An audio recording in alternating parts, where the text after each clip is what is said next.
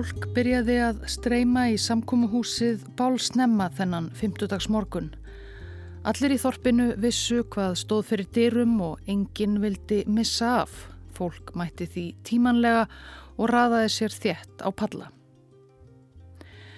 Þetta var síðla í mars 1692 og í þriðja sinn sem íbúar í Seilem þorpi á Nýja Englandi söpnuðust saman í samkómuhúsi sínu til þess að verða vitni að yfirherslum yfir útsendurum myrkra máttarvalda, Nordna. Í tvo mánuði höfðu Nordnir og Íllir vættir herjað á litla þorpið þeirra og plagað saklausa þorpsbúa.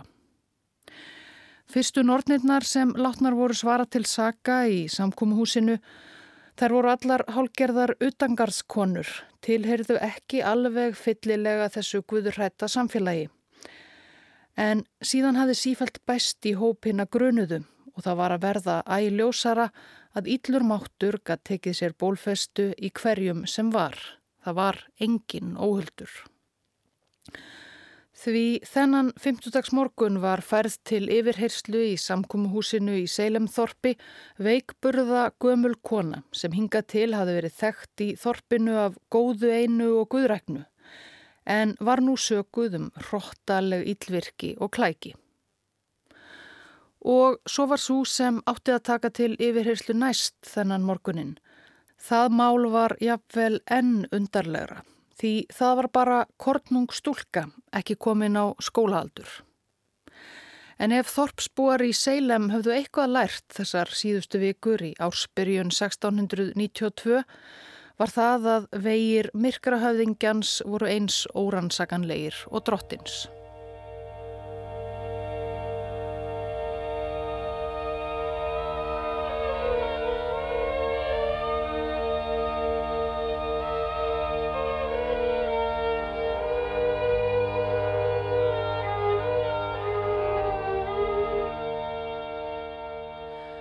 Ágæti hlustandi, þetta er annar þáttur um þá allræmdu atbyrði sem gerðust í Seilemþorpi í Nýja Englandi árið 1692. Við skildum við þessa sögu og Seilemþorpi í síðasta þætti í byrjun marsmánaðar. Fjórar ungar stúlkur á aldrinum 9 til 16 ára hafðu þá stíið fram í þorpinu og fullirt að verið væri að beita þær galdri, þær væru í álögum. Stúlkurnar hafðu svo bent á þrjár konur í þorpinu sem geranda galdraverkana, þær Söru Gutt og Söru Osborn og svo Titjúbu, heimilisræl Þorps prestsins sér Samuels Parris frá Barbados í Karibahavi. Það var Titjúba sem fyrst hafði játað þegar friðdómarar fulltrúar yfirvalda frá grannbænum Seilem bæ gengu á hana við fyrstu yfirheyrsluna sem haldin var í samkumhúsi Þorpsins. Titjúba játaði að hafa vissulega gengist myrkrahauðingjanum á hönd. Hann hefði tælt hana til fylgilags með því að lofa henni öllu fögru ef hún hjálpaði honum, sörunum tveimur og fleiri nortnum sem Titsjúpa fullirti að væru starfandi í Seilemþorpi við að plaga og pína ungu stúlkunnar með göldrum og kukli. Titsjúpa hóf hjáttningar sínar 1. mars 1692 fyrir fullum sal í samkómuhúsinu í Seilemþorpi Og svo virðist vera að áhorvendur hafi flestir lagt trúnað á frásögn hennar þó mögnuð væri. Tittjúpa saði meðal annars að djöfullin hafi sendt á hana tvo klórandi ketti og svín og fleira sem hljómaði ansi förðulega. Sér að John Hale, prestur úr Grannbyggð sem var í samkómuhúsinu og skrifaði um þessa atbyrði síðar meir, taldi það til marksum trúverðuleika Tetsjúbu að það væri samræmi í frásögn hennar sem og að hún sægðist yðrast fyrir aðkomu sína göldrunum og samneitið við Kolska. Líklegast gengu því flestir þorpsbúar út úr samkómuhúsi sínu fullvissir um að að þeim stæðjaði mikil hætta og djöfullin sjálfur stæði fyrir samsæri gegn þeim. Og það er því sannlega ekkert lát þar á í bráð.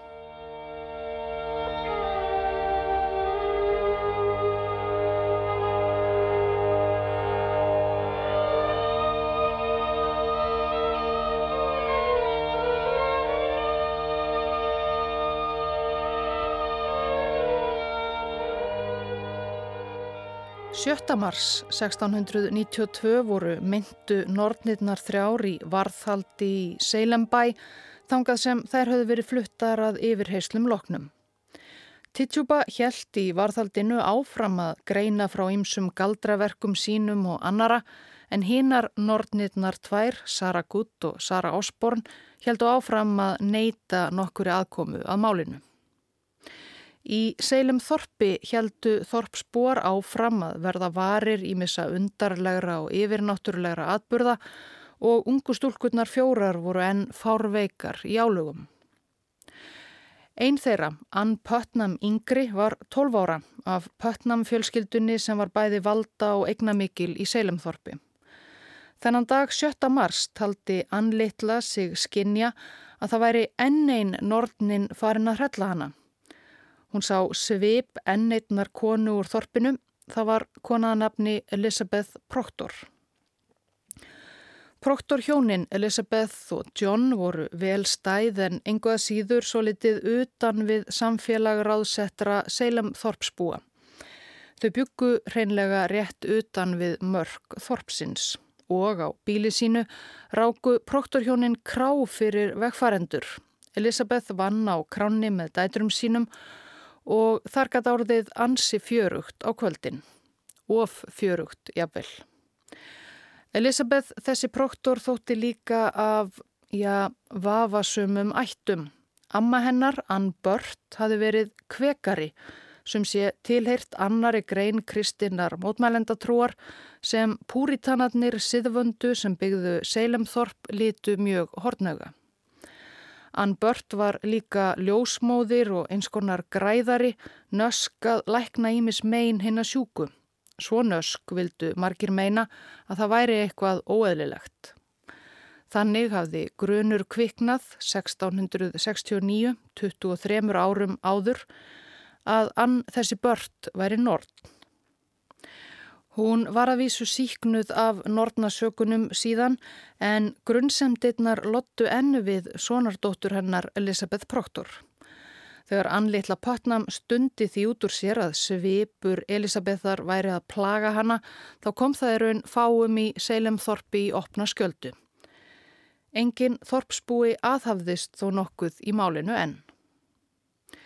Degi síðar, 7. mars 1692, voru Titjuba og Sörurna tvær fluttar frá Seilem bæ í fangelsið í Boston. Þar er þið réttað yfir þeim við hæsta dómstól Nýja Englands.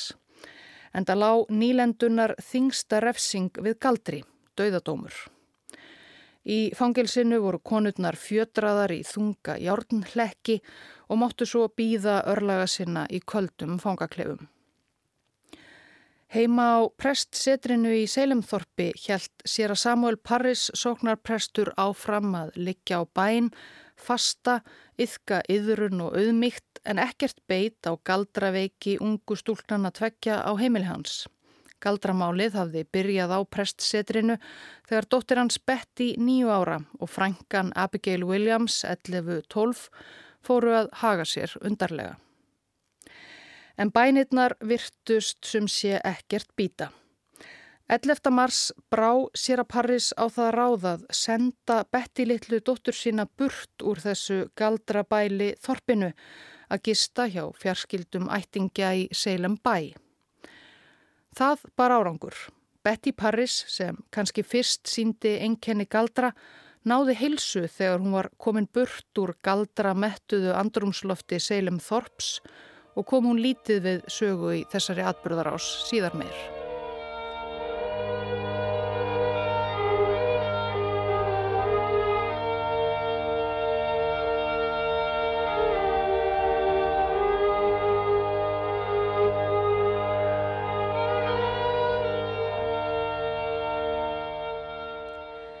Galdurinn lagðist á meðan æþingra á anleitlu patnam. Um svipaleiti og Betty Parris var á förum úr þorpinu bar Ann kennsla á ennitn svip sem ásótti hana, kleip hana og pindi. Það var konaðanabni Marta Kori. Marta þessi var ekki þurvalingur eins og Sara Gutt eða skotspótn slúðursagna eins og Sara Osborn sem hafi gifst ungum vinnumanni. Heldur var hún fullgilt sapnaðar barn í sjálfstæðu kirkjunni í Seilemþorpi. Föðurbróður Anlittlu, Edvard Pötnam, sem var djákni í kirkjunni, þótti því full ástæða til að fara hreinlega heim til mörtu kori í það allra fyrsta og bera undir hana ásaganir barnsins. Tjekka kannski í leiðinni hvort hún liti eitthvað nornalega út. Nákamlega hversu gömul Marta Kori var þegar þessir atbyrðir gerðust er óvíst en hún var ekki ung kona, mögulega um eða yfir sjötugt.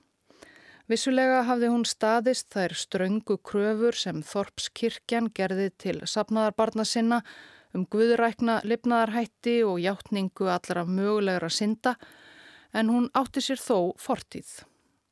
Tveimur árum áður hafði Marta gifst auðugum búnda í þorpinu Giles Corey. Hann var eitthvað um áratug eldri eða um áttrætt.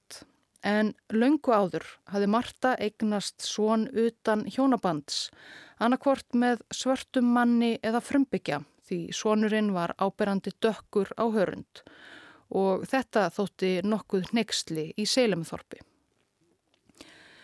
Einmaður hennar, Giles Corey, var svo heldur engin engill. Hann þótti sérlega þver og þrætugjarn, erfiður nágranni og ekki heiðarlegur. Á yngri árum hafði hann verið margóft vendur um þjófnað áður en hann auðgaðist svo umtalsvert á búskap. Árið 1676 hafði Giles Corey verið dregin fyrir dóm fyrir að berja vinnumann sinn einn til bana. Vinnumannin hafði hann vist staðið að því að stela eplum. Giles var þó ekki sagaður um morð eða mandráp þar sem lögum Nýja Englands samkvæmt máttu landeigendur alveg beita vinnumenn sína líkamlegum refsingum. En Giles þótti hafa beitt við refsinguna óhóflegu afli en það lést vinnumadurinn og var hann að lókum sektaður fyrir. Hann var þó áfram fullgildur meðlimur Þorpssóknarinnar.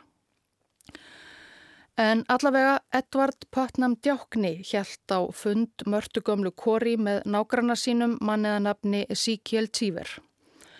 Fengu þeir þá hugmynd að þeir getu skorið úr um hvort Marta væri í alvörunni nord með því að fá anlittlu til að lýsa því hvernig vofa hennar sem ásóti hana væri klætt.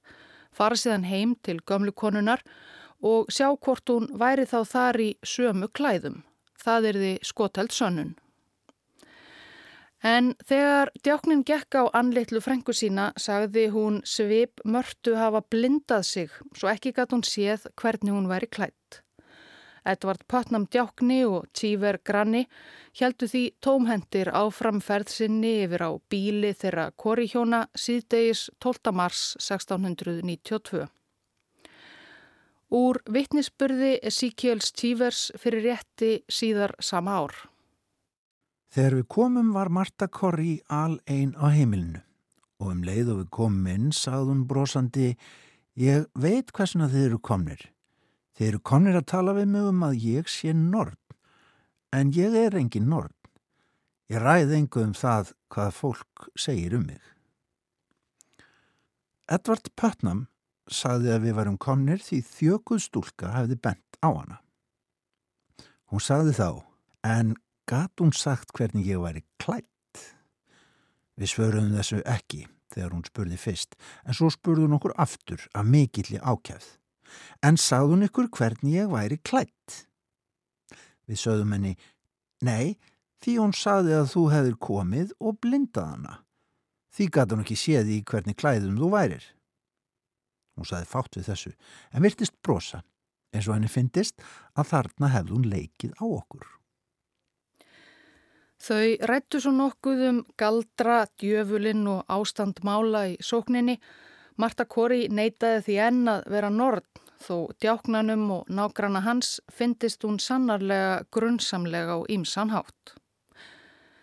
Ekki minguðu grunnsendir þeirra þegar þeir komu við hjá Ann Putnam og fjölskyldu á leiðinni heim um kvöldið. Stúlkan saðist engum píningum hafa orðið fyrir akkurat á meðan þeir hafðu verið á koribænum að ræða við gömlukonuna. En um leið og þeir heldu heimáleið stiftust álögin aftur yfir stúlkuna og nú sem aldrei fyrr.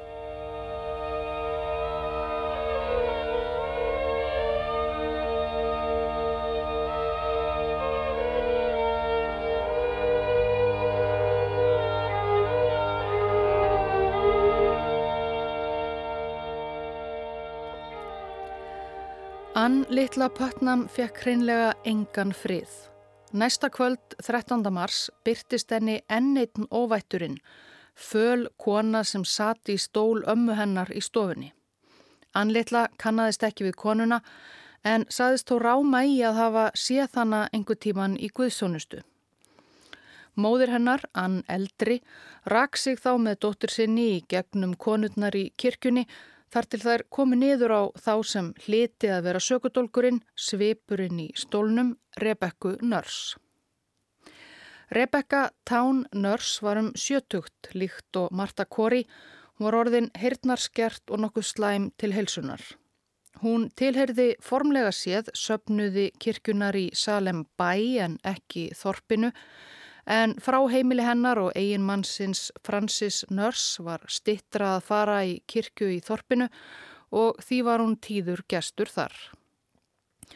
Francis Nörs var virtur maður í Seilemþorpi, svo mjög raunar að hann var oft fenginn til að reyna að miðla sáttum í þeim fjölmörgu deilum sem Þorpsbúar áttu í sínt og heilagt. Rebekka, kona hans, var áttabarna móðir og fór ekki annað orð af henni með Þorpsbúum en að hún væri með eindæmum trúrækin, heiðvirð og góðhjörtuð gömul kona.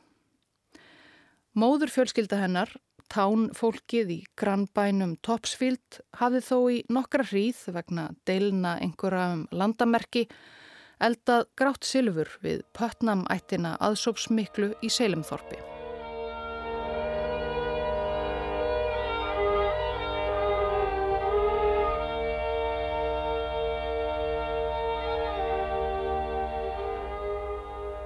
Þó Marta Kori hafi hagað sér grunnsamlega þegar djáknin Edvard Putnam og nákvæmni hans Tíver heimsóttu hana, jáfnvel verið á vissanhátt augrandi, þá var Putnam fjölskyldan ekki alveg tilbúin að afskrá hana sem Nord, konu sem átti að heita heiðvirtur meðlemur í þeirra eigin sannkristna söpnuði. 14. mars bauð Thomas Putnam, fadir Anlittlu, því mörtu Kori heim til þeirra reynlega svo hún geti hitt barnungan ásakanda sinn augliti til auglitis. En sáfundur hefði eflaust getað farið betur. Um leið og Marta Kori steg inn fyrir dyrnar á Pötnam heimilinu fekk anlitla kast. Hún lippaðist niður og engdist herfilega á gólfinu, hóstaði og emjaði og beit í tungun á sér. Þegar stúlkan gætt komið upp orði, benti hún á aðkomu konuna og saðist sjá að það væri lítill gulur fuggl að sjúa holdhennar millir vísifingurs og löngutangar.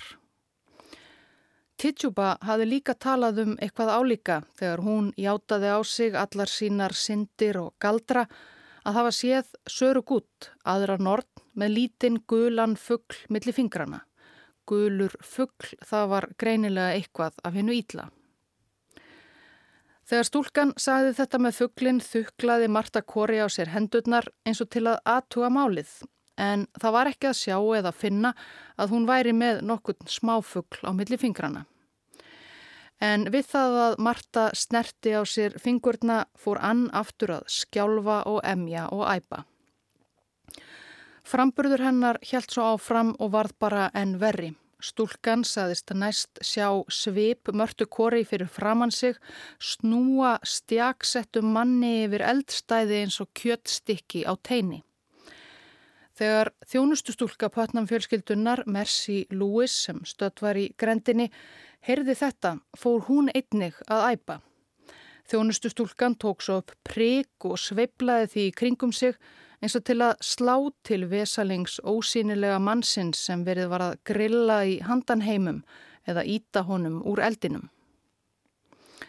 Það er möguleiki að þjónustustúlka þessi hafi séð eitthvað í líkingu við slíkan hrylling í raun og veru. Mercy Lewis, hún var eitthvað um 18 ára gömul, hafði áður búið á útmörkum landnema byggðar kvítamannsins á Nýja Englandi norður í Maine en þar hafðu frumbyggjar landsins gripið til vopna gegn aðkomufólkinu og harðir bardagar geysað undan farin ár. Í Seilem og nákrenni var talsvertum flóttafólk frá megin sem sagt gatt hryllilegar sögur af blóðugum bardugum og brendum bæjum af grymt vígamanna frumbyggjana sem erðu engu sem fyrir var og brendu óvinni sína á báli, þó á nefa væru kvítu hermennir lítið skári. En þegar Mercy Lewis gekk ekkert að slá til mannsins sem Ann Putnam taldi sig sjá grillaðan þarna í stofunni, fjall Mercy líka á gólfið og fór að hristast og engjast rétt eins og yngri stúlkan, líka í álögum. Einhvern veginn þannig lauk heimsókn Mörtu Kori meintrar Nordnar á heimili Putnam fjölskyldunar.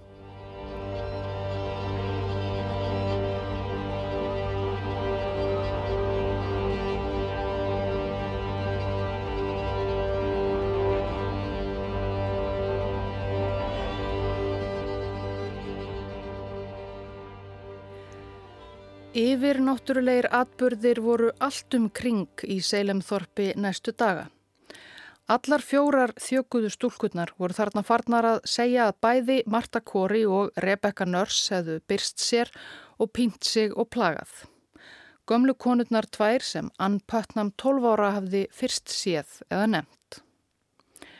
Óvist er með öllu hvort og þá hver mikið þessar þjöguðu stúlkur hittust og blönduðu geði hver við aðra á meðan þessum atbyrðum stóð. Hvort þær þá höfðu tækifæri til þess að bera saman bækur sínar um það til dæmis hvaða nortnir herjuðu helst á þær hverju sinni og þarfram eftir gödunum. Í samtíma heimildum eru stúlkurnar yfirleitt bara á heimilum sínum þegar álögin eða köstin koma yfir þær En hvað stúlkurnar gerðu þar fyrir utan vitum við lítið um. Við vitum almennt engar lítið um það hvað vakti fyrir þessum þjökuðu stúlkum. Ef við gefum okkur ágæti hlustandi allavega að þær hafi ekki í alvörunni verið beittar galdri og jálugum. Já, hver veit. Við vitum ekki hvort þær voru vísvitandi að rotta sig svona saman, gera sér upp þessi ofsafengnu veikindi og köst og ljúa svo upp á saglausa þorpsbúa graf alvarlegum sökum. Eða hvort þær trúðu þessu kannski öllu sjálfar. Var þetta einhvers konar múgæsing sem greip stúlkunnar og breyttist svo út um seilem eða var þetta jáfnvel einhver raunveruleg veiki eða áhrif eitrunar? Það eru ímsar kenningar um allt þetta en svona þremur öldum síðar er fátum óeikjandi svör og þau fáum við líklegast aldrei alveg úr þessu. En á heimilum þjökuðu stúlnana var þarna flest allt farið að hverfast um þær og þeirra veikindi.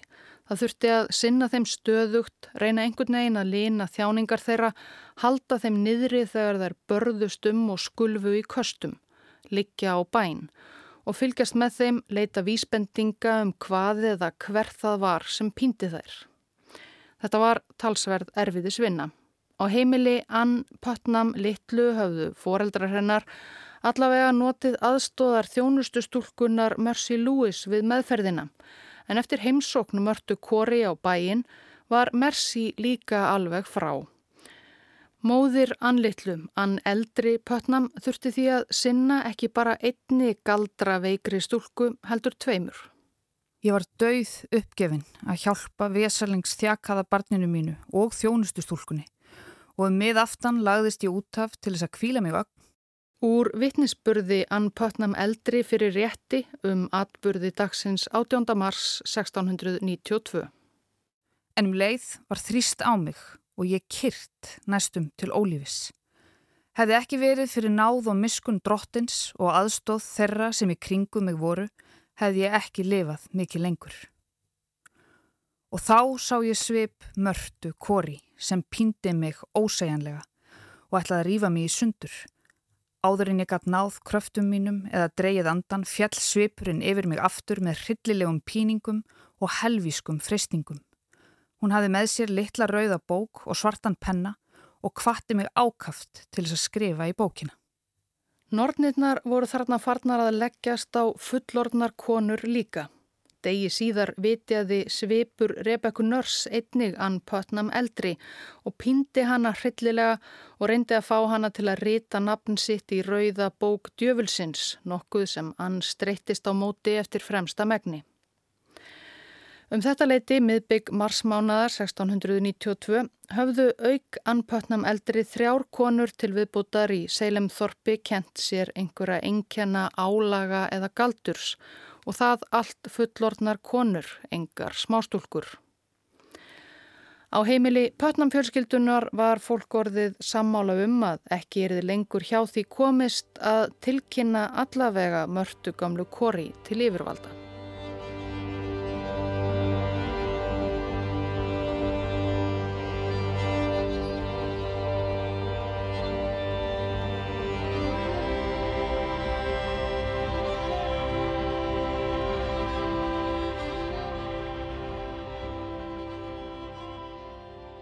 Marta Kori mætti til messu þá um helgina en það kom ekki í veg fyrir að þegar rann upp mánudagsmorgunin 21. mars mættu friðdómararnir tveir frá Salem Bay, John Hathorne og Jonathan Corvin sem höfðu yfirheirt fyrstu þrjár nortnirnar í samkúmuhúsinu fyrir í mánuðinum heim til hennar og tóku hana höndum.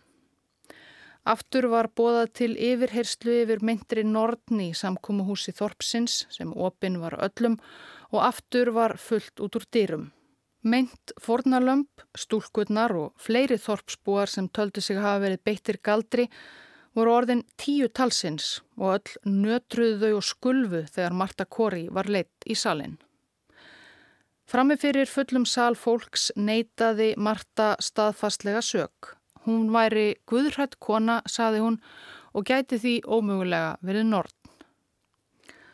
En hvers vegna, spurði John Hathorn friðdómari, hafði hún þá strax spurt þá Edvard Pöttnam djákna og nágrana hans þegar þeir komuð að bera undir hana nortnasakirnar, hvort þjakaðastúlkan hefði geta líst klæðaburði hennar. Hvernig gæti hún vitað fyrirfram að mennitnir ætluð að reyna að hanga hana á klæðaburði?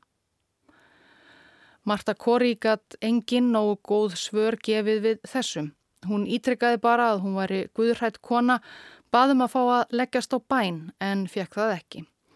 Hínum einn í salnum æftu fornalömpennar og emjuðu og sögðust sjá svipennar fremja óhugnanlega galdra þarna beint fyrir framandöði. Friðdómararnir spurðu og spurðu út í ýmsar grunnsemdir fólksum hana oft ansi leiðandi spurningar það verður að segjast og ætla má að Marta gamla Kori hafi verið orðin nokkuð ringluð þegar á leið. Hún gatt fáu svarað nema bara neitað. Auk þess sem hún mátti varla reyfa fingur án þess að fórnalömpin í salnum veinuðu af sársöka. Að lókum lauk þessari óbimberu yfirherslu og Marta Kori, enn undir grunum galdur, var flutt í fangelsið í Seilembæ.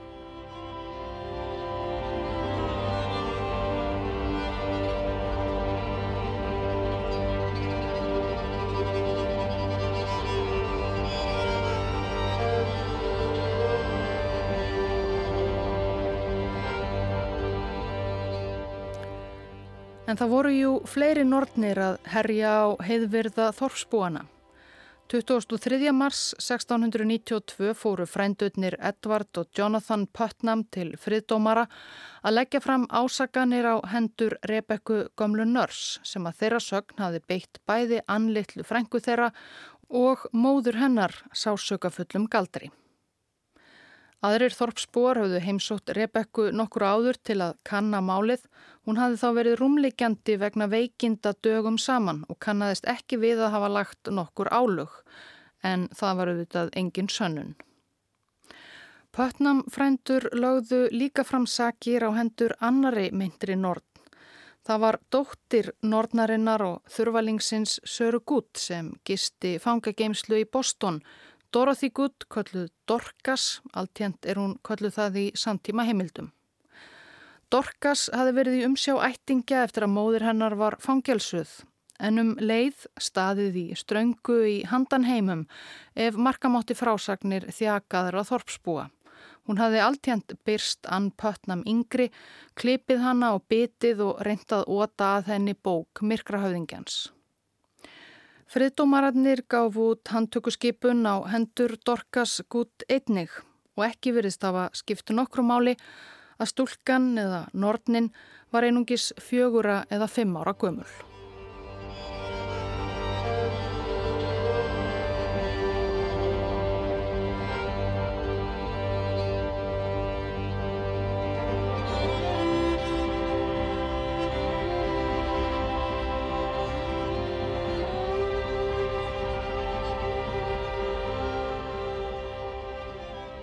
24. mars tróðu Þorpsbúar í Seilem sér aftur inn í samkómuhúsið sitt. Það voru tveir dagar frá yfirheyslu Mörtu Kori og nú var rauðin komin að tveimur nortnum til viðbótar. Rebecca Nörs neytaði sög. Jafnvel þegar friðdómaratnir tveir bentu henni á þjakaðar konur og stúlkur, Ann Putnam yngri, Ann eldri móðir hennar, Abigail Williams, Elizabeth Hubbard og fleiri sem voru í salnum og veinuðu þegar Nörs leiti átt til þeirra. Svo hjálpi mér almáttugur himnafaðurinn, saði Rebecca Nörs, ég er saklaus. Hún sagðist engar skýringar kunna á þeim ásökunum sem settar hafði verið fram. Hún hefði engin álög sett, ekkert samneiti átt við ítla anda, aldrei sendt svipsinn að áreita nokkurt mann eða konu. Hún hefði sjálf varðla komist út úr húsi dögum saman vegna veikinda. Hún var þó ekki alveg eins ákveðin og Marta Kori hafi verið í neitunum sínum. Eins og hún væri sjálf hálfpartinn að verða óvisum hvað satt væri. Það gæti auðvitað kannski verið að djöfullin sjálfur hefði ákveðið að byrtast fólki úti í bæ í hennar mynd af einhverjum ástæðum án hennar vittnesku. Hvers vegna það vissi hún eigi. Fórnarlömpin veinuðu orðið ekki aðeins undan sársöka, heldur töldu þau beinlínis sjá kölska sjálfan í samkómuhúsinu, hann satt við hliði Rebekku Nörs og kvíslaði í eira hennar.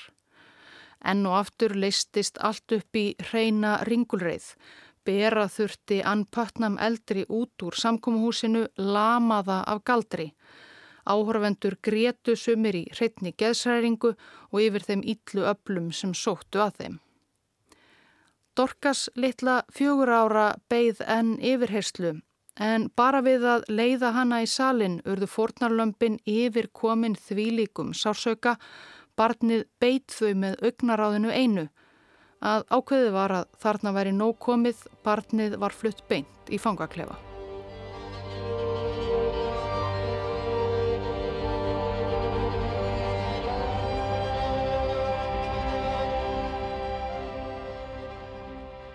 Friðdómararnir og klerkarnir tjáðu mér að þeir hefðu tekið höndum barn Söru Gutt, fjögra eða fimm ára.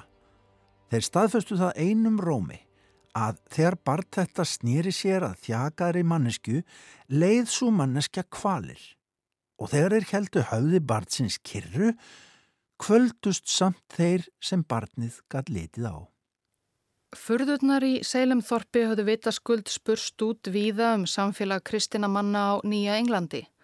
Sér að Samuel Parris, sóknarprestur í Þorpinu, á hvers heimili fyrst hafði galdur sorðið vart, hann hafði líka kallað til kirkjunar mennur nágræninu til ráðagerða. Meðal þeirra sem fyldist með atbyrðarásinni í Seilemþorpi var Sera Deodat Lawson, Hann var eitt þeirra klerka sem hafi reyndað gegna stöðu sóknarpress í Seilemþorpi áður en að Parris kom til sögunar en þurft frá að hverfa vegna deilna við sóknarbörnin um kaup og kjör. Hann skrifaði síðar um þá atbyrði sem hann varð vitni að sem gestur í Seilemþorpi 1692.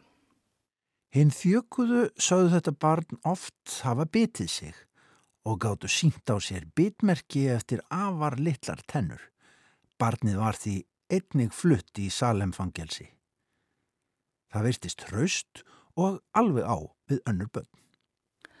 Síðdegis sama daginn og Rebecca Nörs var yfirherði í samkómuhúsinu og Dorka Skutt fjögur ára var færði í fangaklefa, sökuðum að hafa bitið fjölda manns á yfirnáttúrulegan hátt Síðdeis 24. mars 1692 pretikaði séra Deodat Lawson fyrir Salemþorps söpnuðinum í samkumhúsinu. Klerkurinn var ómyrkur í máli. Það stæðjaði alvarleg ógnað samfélaginu í Seilemþorpi og ekki bara Þorpinu raunar. Þetta var aðeins fyrsti vývöldurinn í stærri baráttu hins góða og hins ítla hluti af áformum djöfulsinn sem að eiðilegja allt samfélag trúaðra á nýja Englandi. Og rétt eins og kristnir menn börðust við heiðina frumbyggjana norður í megin, þá urðu hinn sandtrúuðu í Seilem líka að taka til vopna, básúnaði Sera Lawson úr pontu. Klæðumst alvæpni Guðs og látum þar ekkert vanta. Ég kall ykkur í dag til vopna. Vígbúist, vígbúist, vígbúist. Takið ykkur vopn í hönd og verið reyðubúin sem trúir stríðsmenn herfóringja hjálpraðis okkar. Með skildi trúarinnar getið varist logandi örfum hins illa. Berjist trú allt til dauðans í þessu andlega stríði því þá mun okkur hlottnast kóróna lífsins. Við samþykjum ekkert vopnallið, gefum engan grið.